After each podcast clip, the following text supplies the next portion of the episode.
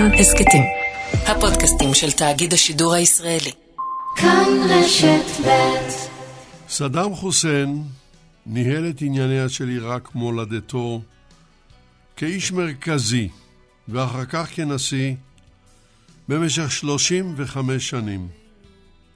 באותן שנים סיבך את ארצו בשתי מלחמות גדולות, האחת נגד איראן בשנים 1980, 1988 והאחרת נגד כווית, היא מלחמת המפרץ של 1991.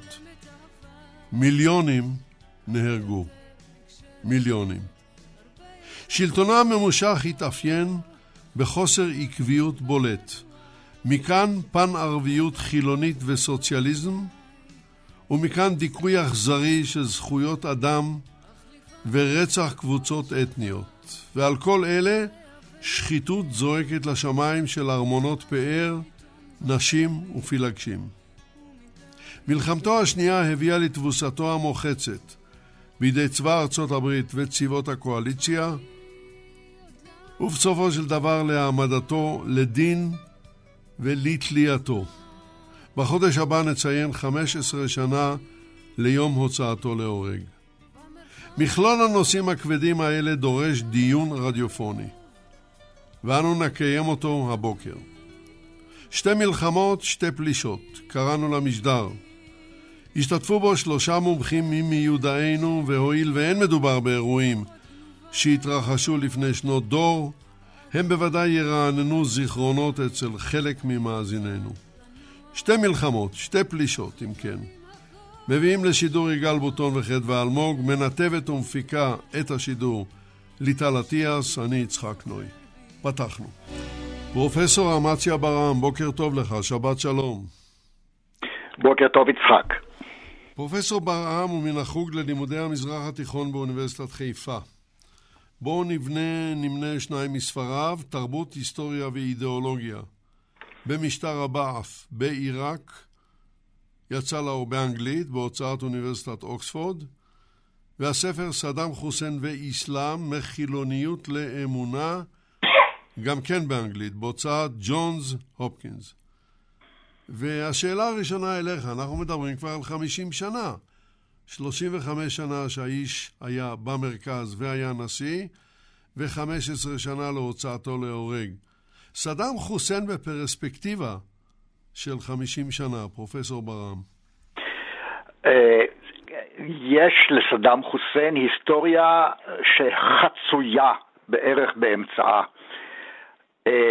מיום שהוא נעשה סגן נשיא, כבר שנה אחרי שהמפלגה עלתה לשלטון ב-69, הוא כבר סגן נשיא והאיש החזק, ועד הניצחון הצבאי על איראן ב-1988, הייתי אומר שהוא היה פרגמטי ביותר, ממש פרגמטי, גם כלפי ישראל, גם כלפי איראן.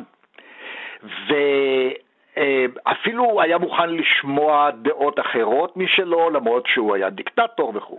והיה מתייעץ, מתייעץ הרבה, כולל במלחמת עיראק-איראן 80-88, התייעץ הרבה מאוד עם אנשיו, גם עם הפוליטיקאים שלו, שתחתיו וגם עם קציניו.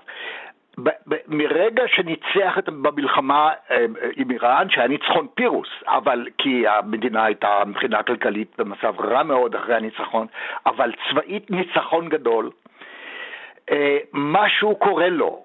בתוך שנה בערך, מאוגוסט 88 עד אוגוסט 90, זה שנתיים.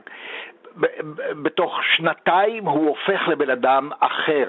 הוא הופך לדיק, לא רק לדיקטטור שהיה קודם, אלא גם מי שחש שהוא איננו יכול לטעות, איננו יכול לעשות שום טעות. ולכן איננו יכול להרשות גם שום אופוזיציה לדעתו. הדוגמאות רבות מאוד, אני רק אתן דוגמה אחת ושתיים לגבי הפרגמטיות שלו, ודווקא כלפינו. ב-1970, מלחמת, I mean, ספטמבר השחור בירדן, 200 טנקים עיראקים נמצאים בתוך ירדן, לא רחוק מעמאן.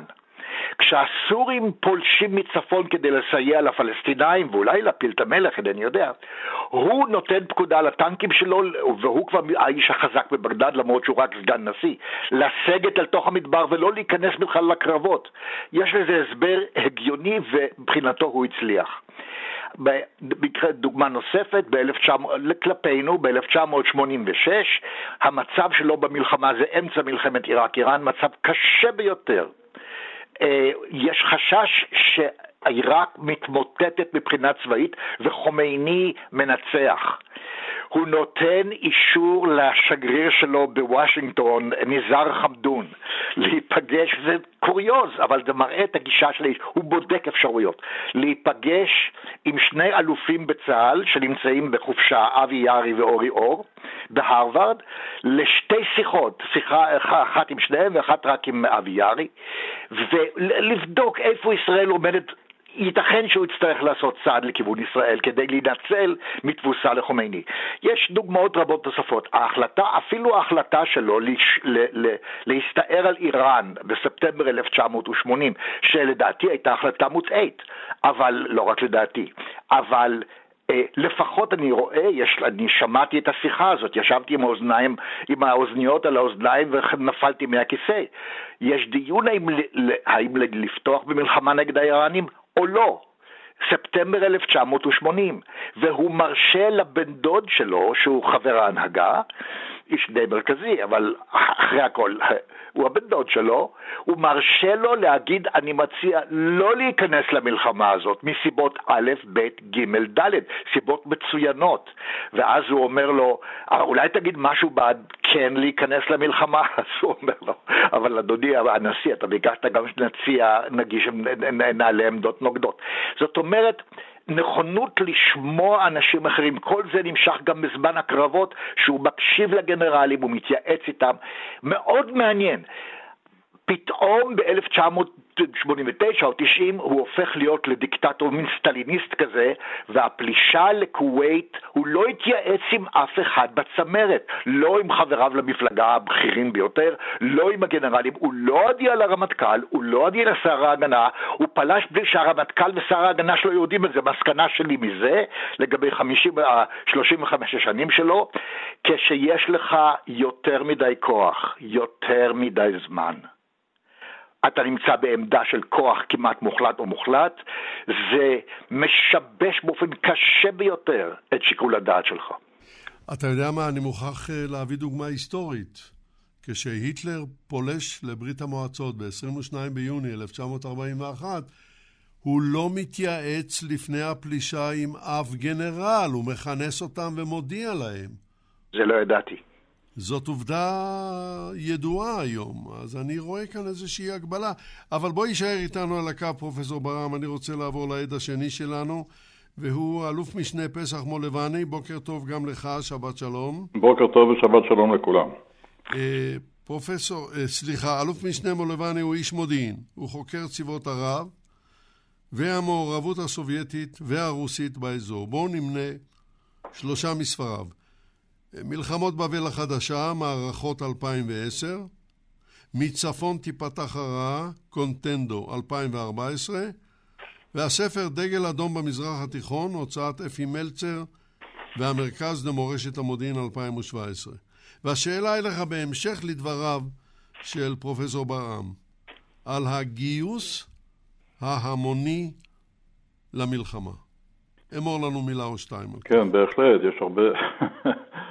אה, אחת הדוגמאות לטעות שהפרופסור ברם מתייחס אליה אה, בהחלטה ללכת למלחמה הייתה שהוא חשב שהמלחמה תהיה מלחמה קצרה ומהירה. נוסח מלחמת ששת הימים שלנו, הוא גם התחיל פחות או יותר באותה שיטה של מהלומה אווירית על בסיסי חיל האוויר האיראני ואחר כך חדירה מהירה של טורי שריון וכולי, אבל מהר מאוד הוא הבין שזה לא הולך להיות ככה ושהעניינים השתבשו בעיקר זה קרה אחר, אחרי שהוא היה צריך חודש ימים שלם להילחם על כיבוש העיר חורמשאר, ואיך אומרים, אה, ש, שגרמה להרבה מאוד דם משני הצדדים, והוא הבין שהוא צריך, שיש לו עכשיו בעיה אה, לאייש גבול של 1,200 קילומטר מול האיראנים, וחסר לו כוחות, חסר לו צבא, חסר לו יחידות. והוא התחיל בגיוס מסיבי של כל העם העיראקי, הייתי אומר. קודם כל, הוא אה, הביא, אה, התחיל לגייס אנשי מילואים לצבא, התחיל אה, להכניס למלחמה יחידות שלא היו מתוכננות מההתחלה, כמו יחידות של משמר הגבול, חטיבות משטרה וכולי, שסופחו לצבא, והוא גייס את, ש... את הגוף הכי גדול לעניין הזה, את הצבא העממי, שזו הייתה מיליציה של מפלגת הבעת', אנשים יחסית בגילים מבוגרים, שלא עברו אימונים מספיקים, והוא הכניס אותם לתוך הסיפור הזה כדי שיתפסו אה, אה, שטחים שהוא כבש בתוך השטח האיראני. ולאחר שהוא נסוג לגבול העיראקי חזרה ב-82, הם גם כן השתתפו בהגנה, כל עוד לא היה לו מספיק יחידות שהוא עסק כל הזמן בהקמתן. הוא אפילו ניסה לגייס, לצורכי תעמולה כמובן, אנשים אה, בני 65 ומעלה, גברים ונשים ביחד, ואכן אה, כמה עשרות אלפים כאלה, אה, לפי המדיה העיראקית, התייצבו לחזיתות. הגידול הזה, שכלל 11 שנתוני חובה לאורך כל המלחמה, כל שנה התגייס שנתון, ועוד 13 שנתוני מילואים שלא השתחררו עד סוף המלחמה, נתן לו אפשרות אה, לבנות צבא ענק שהגיע כנראה לסביבות המיליון ואולי אפילו עבר, ואיתם הוא ניהל את המלחמה. אני רוצה לציין מגזר מעניין נוסף שפה הוא גויס, אלה היו הכוחות הכורדים הנאמנים למשטר. כידוע, כל הזמן יש לנו בראש שהכורדים התנגדו למשטר, אבל מסתבר שהיו לא מעט אה, שבטים אה, וחמולות כורדיות שהיו נאמנות למשטר, ואלה התגייסו ליחידות מיוחדות שנקראו גדודי ההגנה הלאומית, שזה היה יחידות חי"ר קל, שהיתרון הגדול ביותר שלהם, שהם הכירו את השטח, הם פעלו בעיקר בכורדיסטן, והיו אה, טובות בלחימה בשטח ההררי מול האיראנים וגם מול, ה, מול הכוחות הכורדים של אה, הפשמרגה, של, של האופוזיציה של, למשטר. וכל זה הביא לזה שהעיראקים הצליחו להגדיל את הצבא שלהם מ... 12 דיוויזיות שהיו בהתחלה, שפיקדו עליהן שלושה גייסות, לקרוב או אפילו ליותר מ-70 דיוויזיות שפקדו עליהן תשעה גייסות. דברים מדהימים שלא הכרנו פה בכלל כמה, באזור. כמה אנשים נהרגו בכלל במלחמה הזאת? אז זהו, יש כל מיני מספרים. יש מספרים שמדברים על אה, בין 150 ל-200 אלף. ויש אפילו מספרים יותר גדולים. יש אה, לפחות באחד המקורות גם... אה, ראיתי של 300 אלף. זה. כולל, רגע, זה כולל גם את הצד האיראני? לא, לא, לא, אני מדבר רק כרגע על העיראקים, האיראנים היה הרבה יותר. עכשיו, גם, האיראנ, גם האיראנים, דרך אגב, גייסו, אחרי שהם הבינו שהם נמצאים במלחמה, הם גייסו אה, כמויות, אה, ש... הם גייסו גם לצבא, אבל עיקר המאמץ הלך לגיוס אה, אותם מתנדבים גם למשמרות המהפכה, שזה הפך להיות לצבא, לצבא החדש של האיראנים, וגם אה, לבסיג', שזו הייתה מין מיליציה כזאת שהוכפפה למשמרות, והיו אלה שרצו מול התותחים העיראקים ונקטלו באלפים. אבל הם אה, יודע, אפילו אני, עשו אני חייב... מה שנקרא מצעדי ראווה, מצעד 500 הגדודים. עכשיו צריך לחלק את המלחמה מבחינה זו לשתי תקופות. א', התקופה הראשונה, שבה באמת הם הבינו, העיראקים הבינו שהם נכנסו למלחמת התשה ממושכת שאף אחד לא יודע מתי זה ייגמר, וב', המרכיב, הש... החלק השני היה אה, ב-86, שהאיראנים הכריזו על מה שקראו לזה אה, שנת ההכרעה במלחמה, וגייסו וגייסו וגייסו, גם העיראקים החליטו לגייס עוד כל מיני מגזרים של כוח אדם שהם לא גייסו עד עכשיו, ונוספו להם לפי הנתונים שלהם איזה 700-800 אלף איש נוספים כעתודה למקרה ויצטרכו אה, מול המסות האדירות שהאיראנים... אה, אז אה, אם אה, כך, אם כך, צודק פרופסור ברעם, כשאומר שזה היה ניצחון פירוס מלך פירוס, מפני שהכלכלה, הכלכלה בעיראק, אני מניח, לא נהנתה מההשקעות האלה. בוודאי שלא. למשל, הוא היה צריך להביא כמיליון עובדים זרים, בעיקרם היו מצרים לעיראק, כדי שיתפסו את מקומם של אלה שהלכו למלחמה, וחלקם לא חזר כמובן. כן, ברור. טוב, אז זו, המתן איתנו על הקו, אלוף משנה מולובני. אני רוצה לעבור אה, לעד השלישי, והוא פרופסור איתן גלבוע מיודענו. בוקר טוב גם לך, שבת טוב. שלום. פרופסור גלבוע הוא מומחה לארצות הברית מאוניברסיטת בר אילן, נמנה שניים מספריו, ארצות הברית וישראל, תשתית היחסים המיוחדים, משרד הביטחון 1993, והספר באנגלית, דעת הקהל בארצות הברית כלפי ישראל, במאה ה-21, והספר הזה יצא בהוצאת מרכז בגין סאדאת למחקרים אסטרטגיים ב-2020. והשאלה אליך, אני מנסה לרכז את אה, שתי ההערות הראשונות של פרופסור ברם ואלוף משנה מולובני, אה, ולעבור לארצות הברית. קיסינג'ר אמר, הוא כבר לא היה בתפקידי אה, הכרעה, אבל הוא אמר לחברים באותה תקופה, בלשון הארסית מאוד שלו, שהטרגדיה האמיתית במלחמת עיראק-איראן היא המחשבה שיום אחד זה נורא לומר את זה, שיום אחד המלחמה הזאת תיגמר. עכשיו השאלה אליך, פרופסור גלבוע, האם ארצות הברית ידעה על בור פלישת סדאם לאיראן ב-1980? מה דעתך? אם אתה כבר מזכיר אמירות, אז בגין איחל הצלחה לשני הצדדים.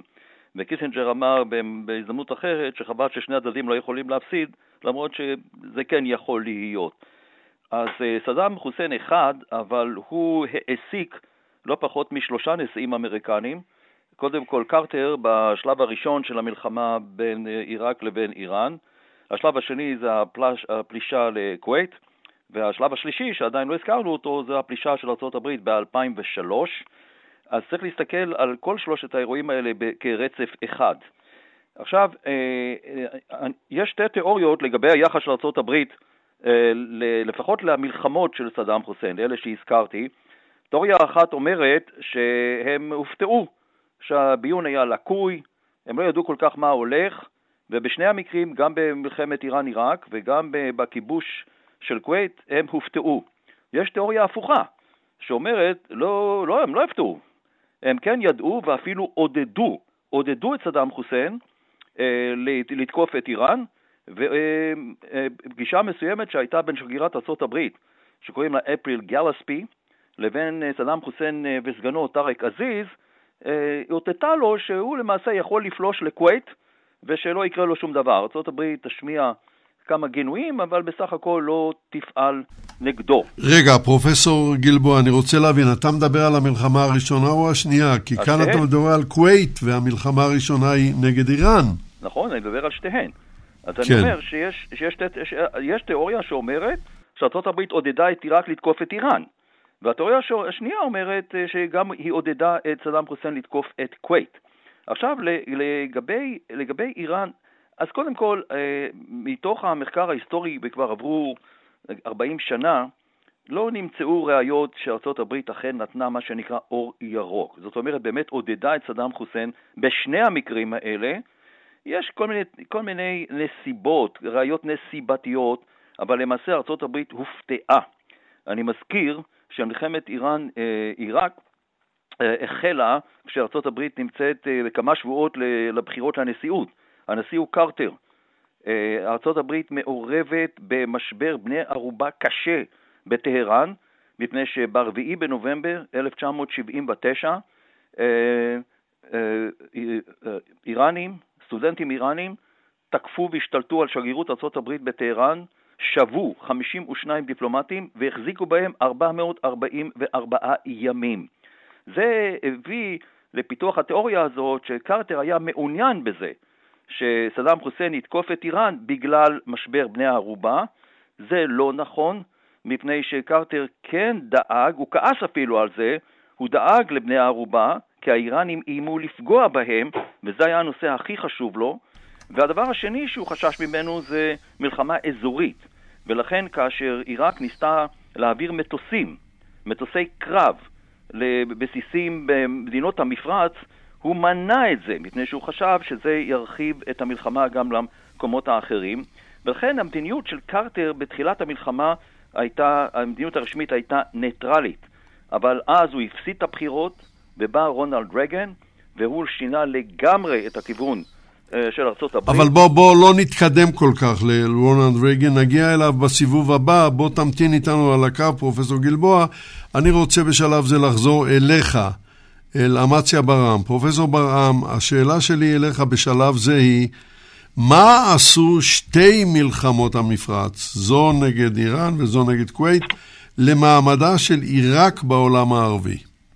אני גם אתייחס למעמד, למצבו של העולם הערבי כולו.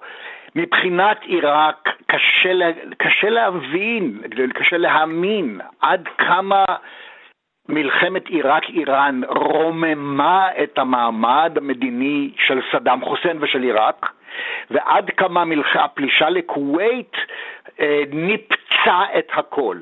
אה, הייתי אומר, בין הניצחון על האיראנים, שוב, ניצחון פירוס, אבל עדיין צבאית ניצחון, בין הניצחון על האיראנים, שהסתיים בכך שסדאם היה באיגרא רמא, ממש, הוא היה בפסגה, לתבוסה בכווית, לאמריקאים ולקואליציה, שפתאום עיראק וגם סדאם חוסיין מוצאים את עצמם בבירה עמיקתא, זה מאיגרא רמא לבירה עמיקתא. זה קשה לתאר, כי אחרי, מלח... אחרי מלחמת עיראק-איראן הייתה לעיראקים ברית אמיתית, אה, מעשית, בשטח, עם הסעודים, עם, עם כל האמירויות, עם מצרים, אה, עם מי לא? ואילו אחרי מלחמת, לא עם סוריה, כן, עם סוריה לא, בשום אופן לא. יריבות עצומה, אבל רק עם סוריה. לעומת זאת, בסוף מלחמת כווית, התבוסה העיראקית, עיראק מבודדת לחלוטין בעולם הערבי וגם בעולם בכלל ותחת אמברגו. אז זה דבר שסדאם עשה, והוא באמת מפני שהשתבשה קבלת ההחלטות שלו. ו, ודבר נוסף, העולם הערבי. לא שמים לב לזה, אבל צריך רגע לחשוב. מה היה הנושא שפילג והיה נושא כזה, את העולם הערבי עד 1980, עד תחילת מלחמת עיראק-איראן. הנושא הפלסטיני, כאשר סאדאת חתם איתנו על שלום, קמפ דיוויד, ביקור ירושלים 77, קמפ דיוויד אחר כך 78, חוזה שלום 79. בשנת 1980 הנושא זה סאדאת שבגד, בתפיסה של הרוב הערבי, סאדאת שבגד בעולם הערבי והתחבר עם הציונים הבזויים, הכובשים וכן הלאה. זה הנושא. מרגע שסדאם פולש לאיראן ומתחילה מלחמת עיראק-איראן, וחומייני עוד לפני כן כבר יצר את הרקע לזה, כל העניין הפלסטיני בהדרגה דועך. הוא לא נעלם, גם הבוקר הוא לא נעלם, אבל הוא דועך. ומה שעולה, שעולה במקומו זה האם אנחנו נגד חומייני, אחר כך חומנאי, או איראן המהפכנית האסלאמיסטית, או אנחנו עם מישהו אחר. והתשובה היא אנחנו עם מישהו אחר חוץ מסוריה, צפון תימן, לבנון, הייתי אומר, עיראק, ועיראק היא באמצע, עיראק היא לא הנה ולא הנה. הייתי אומר ככה, שהעולם הערבי היום הפילוג הגדול הוא לא בשאלה האם שלום עם ישראל או לא, כבר נגמר העניין הזה, אלא האם אתה נגד איראן או בעד איראן. האם זה גם יהיה כך בעוד שנה, אינני יודע. כרגע, וזה מ-1980 עם קצת התנודדות. זה דבר שאנשים לא חושבים עליו מספיק, אבל בסוף העניין הזה של עיראק של איראן, הוא מפצל את הקהילה הערבית. עכשיו, הדבר הזה נובע, פרופסור ברעם, מהפילוג המסורתי בין השיעה והסונה בעולם הערבי? במידה רבה, אבל לא בהכרח. תראה, איראן הייתה שיעית גם תחת השח. אבל היא הייתה פרו-אמריקאית, היחסים עם סאדאת היו מצוינים, סאדאת נעשה פרו-אמריקאי אחרי מלחמת יום הכיפורים. ו, ולכן לא, זה תלוי במידת מה, כן, הייתי נותן לזה 20-30 אחוז, אבל 70 אחוז בוודאי, זה מפני שהמשטר המהפכני האסלאמיסטי בטהרן מסכן את כל המשטרים הערביים, ואפילו לדעתי את המשטר של אסד בסוריה, אבל כרגע לאסד קשה להשתחרר מזה. כן, אני uh, חוזר אליך, אלוף משנה מלובני. אנחנו דיברנו על הגיוס ההמוני למלחמה, והשאלה שעולה באופן טבעי ממה שאמרת מקודם היא, השימוש שהיה אז באמצעי לחימה, ראינו שמדובר במאות אלפי הרוגים אם לא במיליונים, אה, השימוש שהיה אז באמצעי לחימה והרלוונטיות של כלי הלחימה של אז להיום, מה דעתך? אני רוצה רק להשלים משפט לנושא הקודם. בבקשה, בבקשה. הגיוס הזה אה, קרה גם לפני המלחמה ב-91, שם אפילו גייסו לפי דעתי הרבה יותר ממה שעשו במהלך המלחמה נגד איראן, עד כדי כך שגודל הכוחות שהיו גם בכווית וגם בעיראק היה עצום בממדים שאנחנו מכירים, וזה הבסיס גם בשיטה הזאת לכל הגיוסים שאנחנו עדים להם בשנים האחרונות של המיליציות השונות במדינה, בין אם זה אלה שתומכות באיראן ובין אם זה אלה שתמכו ותומכות עד היום אפילו בדאעש. עכשיו לשאלה שלך בנושא אמל"ח. כמובן, מלחמה היא גם שדה ניסוי לכל מיני כלי נשק, והאיראנים באו, באו למלחמה הזאת הרבה יותר מוכנים מהאיראנים שדי הופתעו, גם עם האמריקאים והייתי אומר כמעט עם כל העולם ש, שלא לא, לא ידע שהולכת להיות מלחמה, מהלך כזה של העיראקים. ומה שמעניין בעיקר היה אז, בראייה שלנו, זה קודם כל אה, הופעת בכורה של טנק T-72 סובייטי חדש, שהעיראקים אה, אה, קיבלו מהרוסים וגם הסורים קיבלו מה, מה, מהסובייטים, ופה לא הבינו בדיוק מה היכולות שלו, ובמלחמה הזאת הוא פעם ראשונה הופיע והצליח לגבור על הטנקים המערביים האמריקאים והבריטים שהיו בידי האיראנים, גם הצ'יפטנים וגם הפטונים. אה, לעומת זאת, במלחמת המפרץ, גם האברמס האמריקאי והצ'לנג'ר הבריטי הצליחו להתגבר עליו מהר מאוד, וה-T-72 אה, בכמויות אה, שכבו שם בשדה הקרב ושהם פגועים. נעשה... אבל ש... אנחנו מדברים על דורות אחרים, אם אתה מדבר על... על, אני יודע מה, טנקי כן, כן, לא, פטון, לא, אז זה שנות החמישים, וכאן כן, אנחנו... כן, כן. ברור. אוקיי. אה, נעשה שימוש מסיבי, בעיקר על ידי עיראקים בארטילריה מכל הסוגים, תותחי שדה, רקטות, טילים בליסטיים, ירו מכל הבא ליד, כולל סקאדים שהיה להם אז, ואחר כך כשהם פיתחו אותם לטילים ארוכי הטווח האלה שנקראו אל-חוסיין, הם שיגרו אה, כ-190 אל-חוסיין לשלוש ערים באיראן, לטהרן, איספהאן וקום, וזה בדיוק היה השיטה שהם גם נהגו בה במלחמת המפרץ ב-91, שיגרו 93 טילים, מהם נגד ישראל 43 ולפה הגיעו רק 39, כמה, כמה התפססו בדרך, וגם כמובן נגד ערב הסעודית ואפילו כמה טילים אה, שלחו במתנה לבחריין וקטר. ו... אה, גם האיראנים עשו את אותו עניין, הם ירו גם את הרכזת הכבדות שלהם על בצרה וגרמו שם נזק אדיר, וגם הצליחו להשיג סקאדים מהלובים בעיקר, שאותם ירו לעבר בגדד, מוסול וקירקוך, במסגרת מה שהם קראו אז מלחמת הערים. מי שתרם תרומה חשובה מאוד באמל"ח לעיראקים וליכולות שלהם היו דווקא הצרפתים, שנתנו להם גם את המיראז' F1 וגם אה, אה, חימוש מתקדם אה, כמו טילי אוויר אוויר מז'יק וטילי אוויר ים אקסוסט, שאיתם הם עשו שמות במכליות, במלחמת המכליות ובפגיעה בתשתיות הכלכליות באיראן, בעיקר בתשתית הנפט ועוד כל מיני יעדים אחרים שהם תקפו הביאו את האיראנים בעצם לאחת הסיבות להחלטה האיראנית בסופו של דבר לסיים את המלחמה, היו הנזקים שחיל האוויר העיראקי עשה להם. אנחנו, אה, כן, ברור, הדברים נקלטו, עכשיו, אנחנו עוד נגיע למלחמת ה... הדבר הכי חשוב זה היה השימוש בנב"ק, בנשק כימי, גם נגד האיראנים. תכננו אפילו לתקוף את טהרן בנשק כימי במידה והמלחמה הייתה מתפתחת בצורה קשה יותר מבחינתם, וכמובן גם נגד הכורדים והשיעים, בעיקר במרד שפרץ אחרי המלחמה ב-91. אבל אומרים מומחים צבאיים שנשק כימי מטיל אימה והוא נכון, uh, מפחיד, כן. אבל אי אפשר איתו לנצח מלחמה. זה נכון, כמות האבדות שבסך הכל נגרמו לאיראנים לא היו גדולות, ואפילו הרמטכ"ל העיראקי אמר שזה לא הנשק שסייע להם באמת אה, לנצח. אבל האפקט הוא קשה. גם האמריקאים חששו ב-91 שהעיראקים יפעילו נגדם נשק כימי. טוב, בואו נסתפק כרגע בדברים האלה. אני חוזר אליך, פרופסור איתן גלבוע. התחלת לדבר כשהפסקתי אותך על אה, ממשלו של רונלד רייגן שעולה ממש באותם ימים שאותם 444 יום שבו נכלאו 52 הדיפלומטים האמריקנים בידי האיראנים, והוא אה, כבר סיפור אחר לגמרי. מהו הסיפור של רייגן? כן, הוא עשה הרבה זיגזגים. שחלקם אה, קשורים למלחמת איראן-עיראק וחלקם קשורים לעניינים אה, פנים-אמריקאים ובינלאומיים אחרים, אפילו בדרום אמריקה. ארה"ב בראשותו משנה לגמרי את המדיניות שלה כלפי המלחמה, והוא עובר לתמוך בצורה מרשימה בעיראק. הוא מעריך, בינתיים שכחתי להגיד, שמשבר בני ערובה נפטר. הוא נפטר כמה שעות לפני uh, הכתרתו לנשיא, ב-20 בינואר 1980, בשעה 11 בערך לפני הצהריים, שב-12 הוא מוכתר לנשיא. Uh, יש מי שאומרים שהוא נתן, הוא אמר שהוא יהיה נשיא, ייתן אולטימטום לאיראן, לשחרר את בני הערובה, אבל לא מפציץ את טהרן.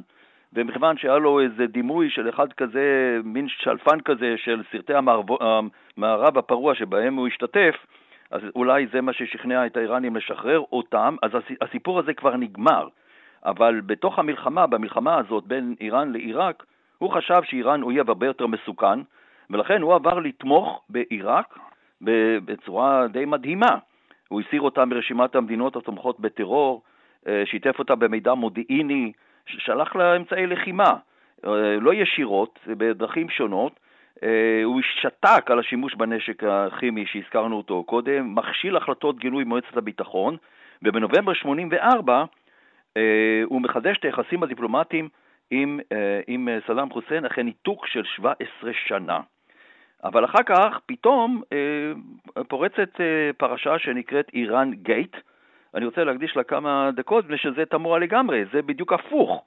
במקרה הזה, ארה"ב, דרך ישראל, מספקות לא פחות ולא יותר נשק לאיראן בזמן המלחמה. וזה קצת אה, תמוה כל העניין הזה, מאיפה זה בא בכלל. והתשובה לכך זה שזה קשור בכלל אה, למצב שהיה בדרום אמריקה, כאשר ב, אה, ב, זה נקרא משבר הקונטרס, כאשר בניקרגואה יש ממשל סוציאליסטי מרקסיסטי בקבוצת, בראשות קבוצה שנקראה סנדניסטס, נגדם התארגנה הקבוצה שנקרא קונטרס. ארה"ב רוצה לסייע להם להפיל את המשטר שמה, אבל הדמוקרטים ששלטו אז בבית הנבחרים אסרו על מימון הנשק לקונטרס, ואז הם אה, הלכו על פתרון שתי ציפורים במכה אחת, עוקפים את הקונגרס על ידי מכירת נשק לאיראן מתחת לשולחן, והעברת הכספים ישירות לקונטרס. והסיבה העיקרית לכך הייתה שהחיזבאללה בלבנון מחזיק בני ערובה אמריקאים, והם אה, דורשים ואיראן שולטת עלו בחיזבאללה, הם דורשים, אה, הם דורשים אה, שארצות הברית תשלח נשק לאיראן, זו הייתה הסיבה האחת. נשאלת השאלה למה פתאום ישראל בתמונה הזאת, וכאן יש תשובה קצת יותר מורכבת, מפני שהטענה היא שישראל חשבה שאם תסייע לצבא, לצבא האיראני, זה ימתן את העוינות של, האויטו, של האייתולות, וסדאם חוסיין נראה איזה אויב גדול יותר מאשר איראן, זה הפוך ממה שארצות הברית חשבה. כן. כן. ואז הייתה הפרשה הזאת, אה, שהיה מעורב בה מירם ניר ואוליבר נורת', אה, שהוא היה במועצת הביטחון הלאומי של ארה"ב. הם שניהם אה, ספגו אישומים ובעיות היו עם זה, אבל זו פרשה מאוד מוזרה. כאן ארה"ב הוכיחה שהיא תומכת במי שהיא חושבת שכדאי לה באותו רגע, וזה יכול להיות שני הצדדים. אכן עולם פתלתל לגמרי.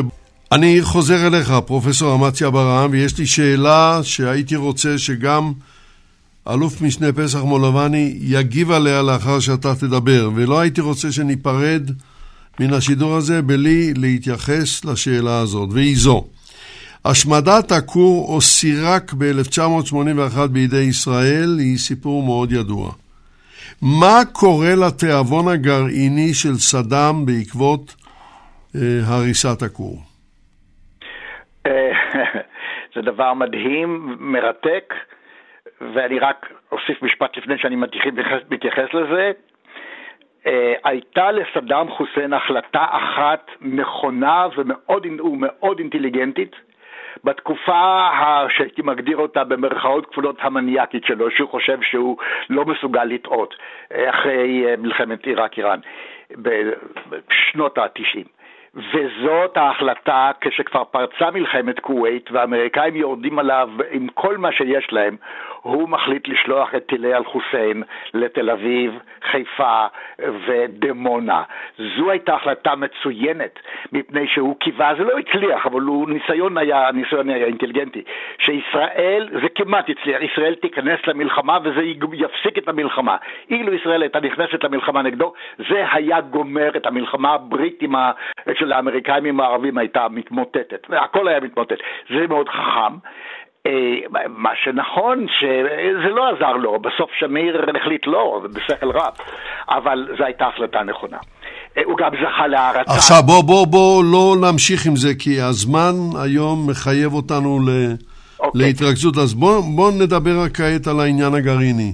הגרעיני, שמעתי שיחה, שוב עם האוזניות, עם האוזניות על אוזניי, בין סדאם חוסיין וכל ההנהגה הפוליטית והצבאית הבכירה ביותר שלו. והוא אומר להם ככה, זה היה בסוף יוני 81, אה, נדמה לי שבועיים או עשרה ימים אחרי שתקפנו וחיסלנו, את חיל האוויר חיסל את הכור הגרעיני העיראקי. הוא אומר ככה, הגו ליבי אני אומר לבגין, כל מה שאתה הרסת, אני אבנה ועוד יותר. ואת זה הוא עשה. אנחנו נרדמנו בשמירה. סדאם הלך על, על ארבע דרכים חדשות לגמרי, ליצור א', אורניום, הוא ויתר על, על פלוטוניום, אורניום מועשר, לפצצה, וכאשר הוא פלש לכווית הוא פלש מוקדם מדי. הוא צריך היה לפלוש שנתיים יותר מאוחר. רגע, אני רוצה להבין, הוא אה, מגיע לייצור של אורניום מאושר בלי כור אטומי? על ידי מה שנקרא קליוטרונים, זה מגנטים אדירים שהוא קנה באמריקה, האמריקאים מכרו לו את זה בכלל, לא הבינו מה הם עושים. ועוד שלוש דרכים שונות, לייזר, כימי, של... יש ארבע דרכים שהוא הולך בין הכי, הכי מוצלח קליוטרונים, והאו"ם, פקחי האו"ם כבר ב-92, מצאו בעיראק שרידים, נכון רק שרידים, של אורניום מועשר ל-85 או אפילו 90 אחוז. זאת אומרת, אנחנו לא, הוא פיזר את הכל על כל מרחבי עיראק, כדי שלא נוכל בהפצצה אחת לפגוע ולהרוס את המערכת, והלך בדרכים שונות. לא ידענו, לא הבנו מי עלה על זה, עלה על זה איזה אלוף משנה כבר בתקן של תת-אלוף בשם אה, פסח מלובני, אם אני זוכר את שמו הנכון, שעבד אז בשביל... איזשהו מוסד אה, כזה או אחר, והוא עלה על זה שפתאום, בעצם, סליחה, אה, יש לעיראקים תעשייה של גרעין צבאי מחדש. והתוכנית של סדאם, לא יודע מה הוא תכנן, אבל אילו הייתה לו אה, פצצה גרעינית, באמת כשפלש לכווית, לדעתי אי אפשר היה לגרש אותו מכווית. אלוף משנה פסח מולבני. שמענו דברים איומים מפיו כן. של אמציה ברם. יש, יש לזה בסיס? סדאם לא היה מוכן לוותר. הוא פנה לצרפתים שיקימו לו מחדש את הכור, והצרפתים אמרו לו שלא. התשובה היא לא, ואז הוא, הוא החליט יחד עם, המומחים בנושא שהם הולכים לדרך אחרת, לדרך, למסלול השני, המקביל, של העשרת אורניום באותן שיטות שאמציה דיבר, היו גם צנטריפוגות שם ועוד כל מיני דברים אחרים, ובאמת בפיזור של מתקנים על פני כל המדינה, כדי שלא ייפגעו מתקיפה אחת כזו או אחרת. והוא התחיל לעבוד. והעניין נעשה בסודיות רבה מאוד. אני רק לאחרונה מצאתי ספר של אחד הבכירים העיראקים שעסקו בפרויקט, שמספר בדיוק איך הם עשו ומה הם עשו. אה, התקיפה של הכור, ההשמדה של הכור, הכתה אותם בהלם כזה, שהם הפעם הבינו שהם צריכים לנקוט בכל הצעדים האפשריים כדי למנוע שמקרה כזה יחזור על עצמו. והמודיעין שלנו נרדם בשמירה? לא רק אנחנו, אף אחד לא ידע. אני בסוף 88' הייתי אצל האמריקאים בוושינגטון, וסיפרתי להם את הדברים שאנחנו ידענו, והם, ואני נתקלתי בשתיקה רועמת, אני לא הבנתי למה הם לא מגיבים על שום דבר ולא זה, ורק אחר כך, כשחזרתי הביתה אחרי איזה חודש, או אפילו פחות, קיבלתי מהם אה, הודעה שאכן צדקתי, שהם לא ידעו, והנה עכשיו הם נכנסים לעובי הקורה בעניין הזה כדי לברר מה ומי אה, אה, קורה פה בעניין הזה. וזה פשוט אה, שהוא אה, ממשיך במאמצים. הם גם היו, הייתה גם משלחת של סנטורים אצלו לפני המלחמה ב-91, שאמרה לו שלמה הוא בכלל מתעסק עם הדברים האלה, זה לא כדאי, זה בסופו של דבר יביא לחורבן בעיראק.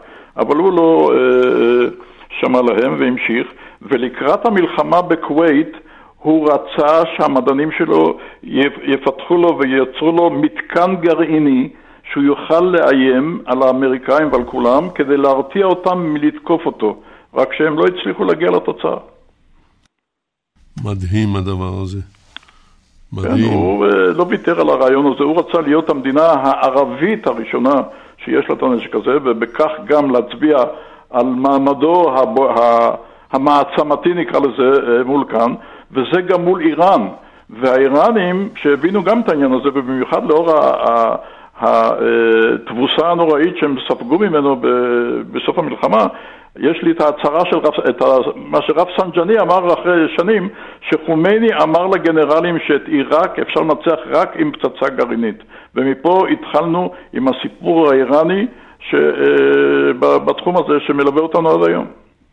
כן.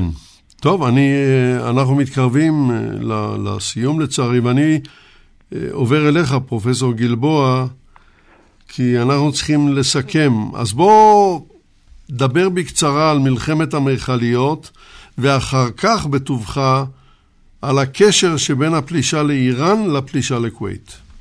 כן, אבל אני רוצה להמשיך בדיוק בנקודה שבה אה, עסקנו עכשיו, אה, הנושא של נשק להשמדה המונית, כי כדאי להזכיר שזו הייתה אחת הסיבות לכך שארצות הברית אה, יצאה למלחמה אה, נגד עיראק על כווית, וגם כאשר היא החליטה לפלוש לעיראק אה, ב-2003, אחרי 9-11, אז אה, אחת ההנמקות לכך למלחמה הזאת היה שבידי סדאם יש נשק כימי או ביולוגי וצריך לכן לטפל בנשק הזה, אז זה היה, היו אחת הסיבות שלפחות הוזכרו כלפי חוץ. המעורבות אה, של ארצות אבל אחר כך אמרו שלא מצאו כלום. נכון. ושסתם נטפלו אליו, אז איך זה יכול להיות שבדיקות בינלאומיות קפדניות לא מעלות שום דבר, והוא מפתח נשק גרעיני בשקט? אז כן, אני חושב שיש פה מחדלים, אה, מחדלים אה, של, של מודיעין, וזה כבר, עסקו בזה די הרבה, והמחדלים האלה עד היום, ראינו את זה לא מזמן באפגניסטן. משקיעים מיליארדים האמריקנים במודיעין, מיליארדים. אה, הם משקיעים יותר מדי ויש להם יותר מדי סוכניות. ונכשלים פעם אחרי פעם. כן, שלא משתפות פעולה ביניהן, וזה חלק מן הבעיה. אבל כן, המלחמה על כווית, להוציא את... אה, בואו בוא נקשר אותם בקצרה, כן. כן, המלחמה, המלחמה אה, נגד, נגד עיראק התחילה כבר במושג הזה שנקרא מלחמת המכליות, כי עד עכשיו דיברנו על זה הברית עומדת מהצד, עוזרת פה, עוזרת לכל אחד לפי הצרכים, אבל היא התחילה ממש להיות מעורבת צבאית במה שנקרא מלחמת המכליות, כאשר גם איראן וגם עיראק תקפו מכליות נפט. זה ב-87, 88, לקראת סוף המלחמה נפגעו 550 אוניות, זה לא צחוק. ואז אנחנו עוברים למלחמה על כווית, כאשר למעשה מה שמניע את ארצות הברית זה חשש שעיראק אה, תשלוט שם בנפט, עיראק וסעודיה. בכלל, הרעיון הזה של חיסול מדינה, הגבולות הם קדושים, לחץ של מדינות ערביות, לקח להם חצי שנה עד שהם התארגנו, אבל הנקודה החשובה ביותר היא הקמת קואליציה של לא פחות מ-34 מדינות, כולל מדינות ערביות, נגד עיראק, וההחלטה של האו"ם לאפשר את הפעולה בכוח נגד, אה, נגד עיראק, וגם החלטות של הליגה הערבית. הם עבדו חצי שנה על דיפלומטיה מאוד מורכבת כדי לגרום לכך שזה לא יהיה ארצות הברית רק נגד סדאם חוסיין, זאת תהיה קואליציה הרבה יותר רחבה, זה מה שהם לא עשו במלחמה של 2003. כן, והיה לנו ללא ספק מזל גדול שראש הממשלה היה יצחק שמיר, אדם עם עצבים של פלדה, שהבין שישראל לא צריכה להתערב. תודה רבה, פרופסור איתן גלבוע. אני חוזר אליך, אמציה ברעם. אה, כמה מילים על אה, יחסה של עיראק לישראל אז והיום. כן, זה באמת מרתק וחשוב ביותר, צריך להבין את זה. עיראק של סדאם חוסיין, עיראק של הבאס, גם עיראק של ערף לפניו, קאסם, הגנרל קאסם בשנות החמישים, לא, אבל, חמישים ושמונה, שישים ושלוש, אבל כל, כל המנהיגות העיראקית מ-63 ועד 2003, וזה בעיקר כמובן סדאם חוסיין, הבטחה ומחויבות עקרונית, לא, לא תמיד באופן מעשי כי הוא היה פרגמטי, כמו שאמרתי, אבל מחויבות עקרונית לחסל את מדינת ישראל, כולל שימוש בגרעין בצורה מסוימת, לא אכנס לזה. זאת עיראק של הבעס, מ... עוד גם לפניהם, אבל לפניהם, אבל בוודאי מ-68 עד 2003. עיראק של היום, יש בה ראש ממשלה בשם מוסטפא אל-קאזימי, יש לה נשיא בשם ברהם סאלח, הם ממש לא אויבים של ישראל. אני לא יודע אם ידידים גדולים, אבל הם לא, בוודאי לא אויבים. הם רוצים שהאיראנים לא יסבכו אותם בשום מלחמה עם ישראל, בשום עימות, בשום דבר. אז ההנהגה הפוליטית, כל הממשלה אותו דבר, הם והממשלה שלהם. אולי גם הפרלמנט החדש יהיה כזה, כי יש פרלמנט חדש ויותר מעודד מהקודם. אבל מולם היא רק חצויה בעניין של ישראל, כי מולם יש 160 עד 200 אלף לוחמים במיליציות שיעיות שהמדינה מממנת, אבל איראן נותנת להם את ההוראות. והם ממש מבטיחים מלחמה בישראל, והם מבטיחים מלחמה נגד בגדד, נגד הממשלה שלהם, אם, אם היא לא תעשה מה שצריך לעשות, הם רומזים שצריך להשתתף במלחמה נגד ישראל. זאת אומרת, עיראק היום מפולגת, גם האוכלוסייה השיעית, הסונים אין להם, הרבה, אין להם הרבה השפעה. הכורדים לא רוצים שום דבר, הכורדים הם ידידים של ישראל, אבל בפוטנציה, לא, לא באופן מעשי בשטח היום. אבל השיעים, שהם היום השליטים במדינה, אולי 55% מהאוכלוסייה, השיעים מפוצלים, הייתי אומר, בערך חצי-חצי. השיעים, חצי אומרים, אני לא רוצים שום מעורבות עם ישראל, כלום, שהאיראנים לא ידחפו, ידחפו אותנו לבעיות. לא מעניין אותנו כל העניין. וחצי וחלק אומרים אפילו בואו נחזור, בואו, בואו נחזיר את היהודים, בוא, אבל זה מיעוט. בואו נעשה שלום עם ישראל, זה מיעוט קטן. אבל רובה, השיעים, החצי המתון אומר לא. אין לנו עניין ללכת למלחמה עם ישראל, בכלל לא, לא מעניין אותנו. העניין הפלסטיני כן, אבל זה שיסתדר באיזושהי צורה. החלק הפרו-איראני של השיעה, של בערך 50 אחוז, אומרים שלום עם ישראל בשום פנים ואופן, אנחנו עם האיראנים בעניין הישראלי עד הסוף וכן הלאה. אז עיראק היום חצויה, אבל לפחות הממשלה, ואולי גם הפרלמנט החדש, לא יהיו אויב, הממשלה ודאי לא אויבת שלנו, והפרלמנט החדש אולי גם כן לא יהיה אויב של ישראל. טוב, הנקודה הזאת הובנה, אנחנו קרבים מאוד לסיום לצערי הגדול. ואנחנו בשלב השאלה הזהה. והשאלה אליך, שהיא תהיה גם לכולם, פרופסור אמציה ברעם, מה היית מבקש שהמאזינים ילמדו מן השידור הזה? שני דברים. אחד, יותר מדי כוח, יותר מדי זמן בשביל שליט, משבשים את החשיבה. דבר שני, היום עיראק היא אחרת. יש חלק גדול בציבור העיראקי, העיראקי לדעתי יותר מ-50% מכלל הציבור העיראקי, סונים, שיעים, כורדים, שבכלל לא רוצה מלחמה עם ישראל, וישראל לא כל כך מעניינת אותו. תודה רבה, פרופסור אמציה ברעם. אלוף משנה פסח מולבני, מה היית מבקש שהמאזינים ילמדו? האיש הזה, סדאם, התנהל פה באזור כולו כשליט על, ועשה שימוש אדיר בצבא שאת התפיסה שלו הוא שינה מלהתעסק בענייני פנים של הפיכות אה, צבאיות מדי אחד אחרי השני, להפעלה מול אויבים חיצוניים, אם זה איראן ואם זה אפילו הקואליציה בראשות ארה"ב. במלחמה באיראן, כמו שאמרנו, הוא הגיע לשיא, ובלחימה מול הקואליציה הוא, הוא ירד, כמו שאמציה הגדיר, לבירה המקטע והביא לחיסולו של הצבא וגם של עיראק עצמה, של המשטר. אז מה היית מבקש שילמדו מהעניין הזה?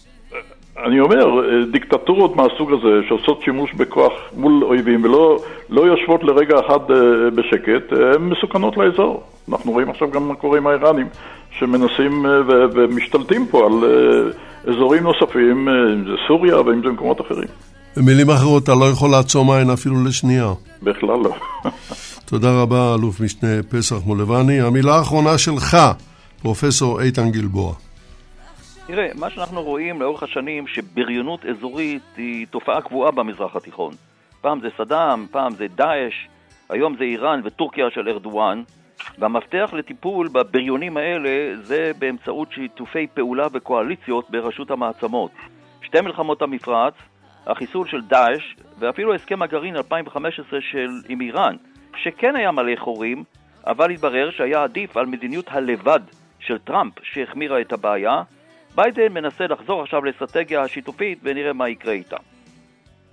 תודה רבה גם לך, פרופסור איתן גלבוע. תודה רבה לשלושתכם. עד כאן להפעם, חברים וחברות. תודה למשתתפי המשדר. תודה לכן ולכם המאזינים בכל אשר אתם. שתי מלחמות, שתי פלישות. הביאו לאוזניכם יגאל בוטון וחדווה אלמוג. ליטל אטיאס ניתבה את המשדר וגם הפיקה אותו. אני יצחק נוי.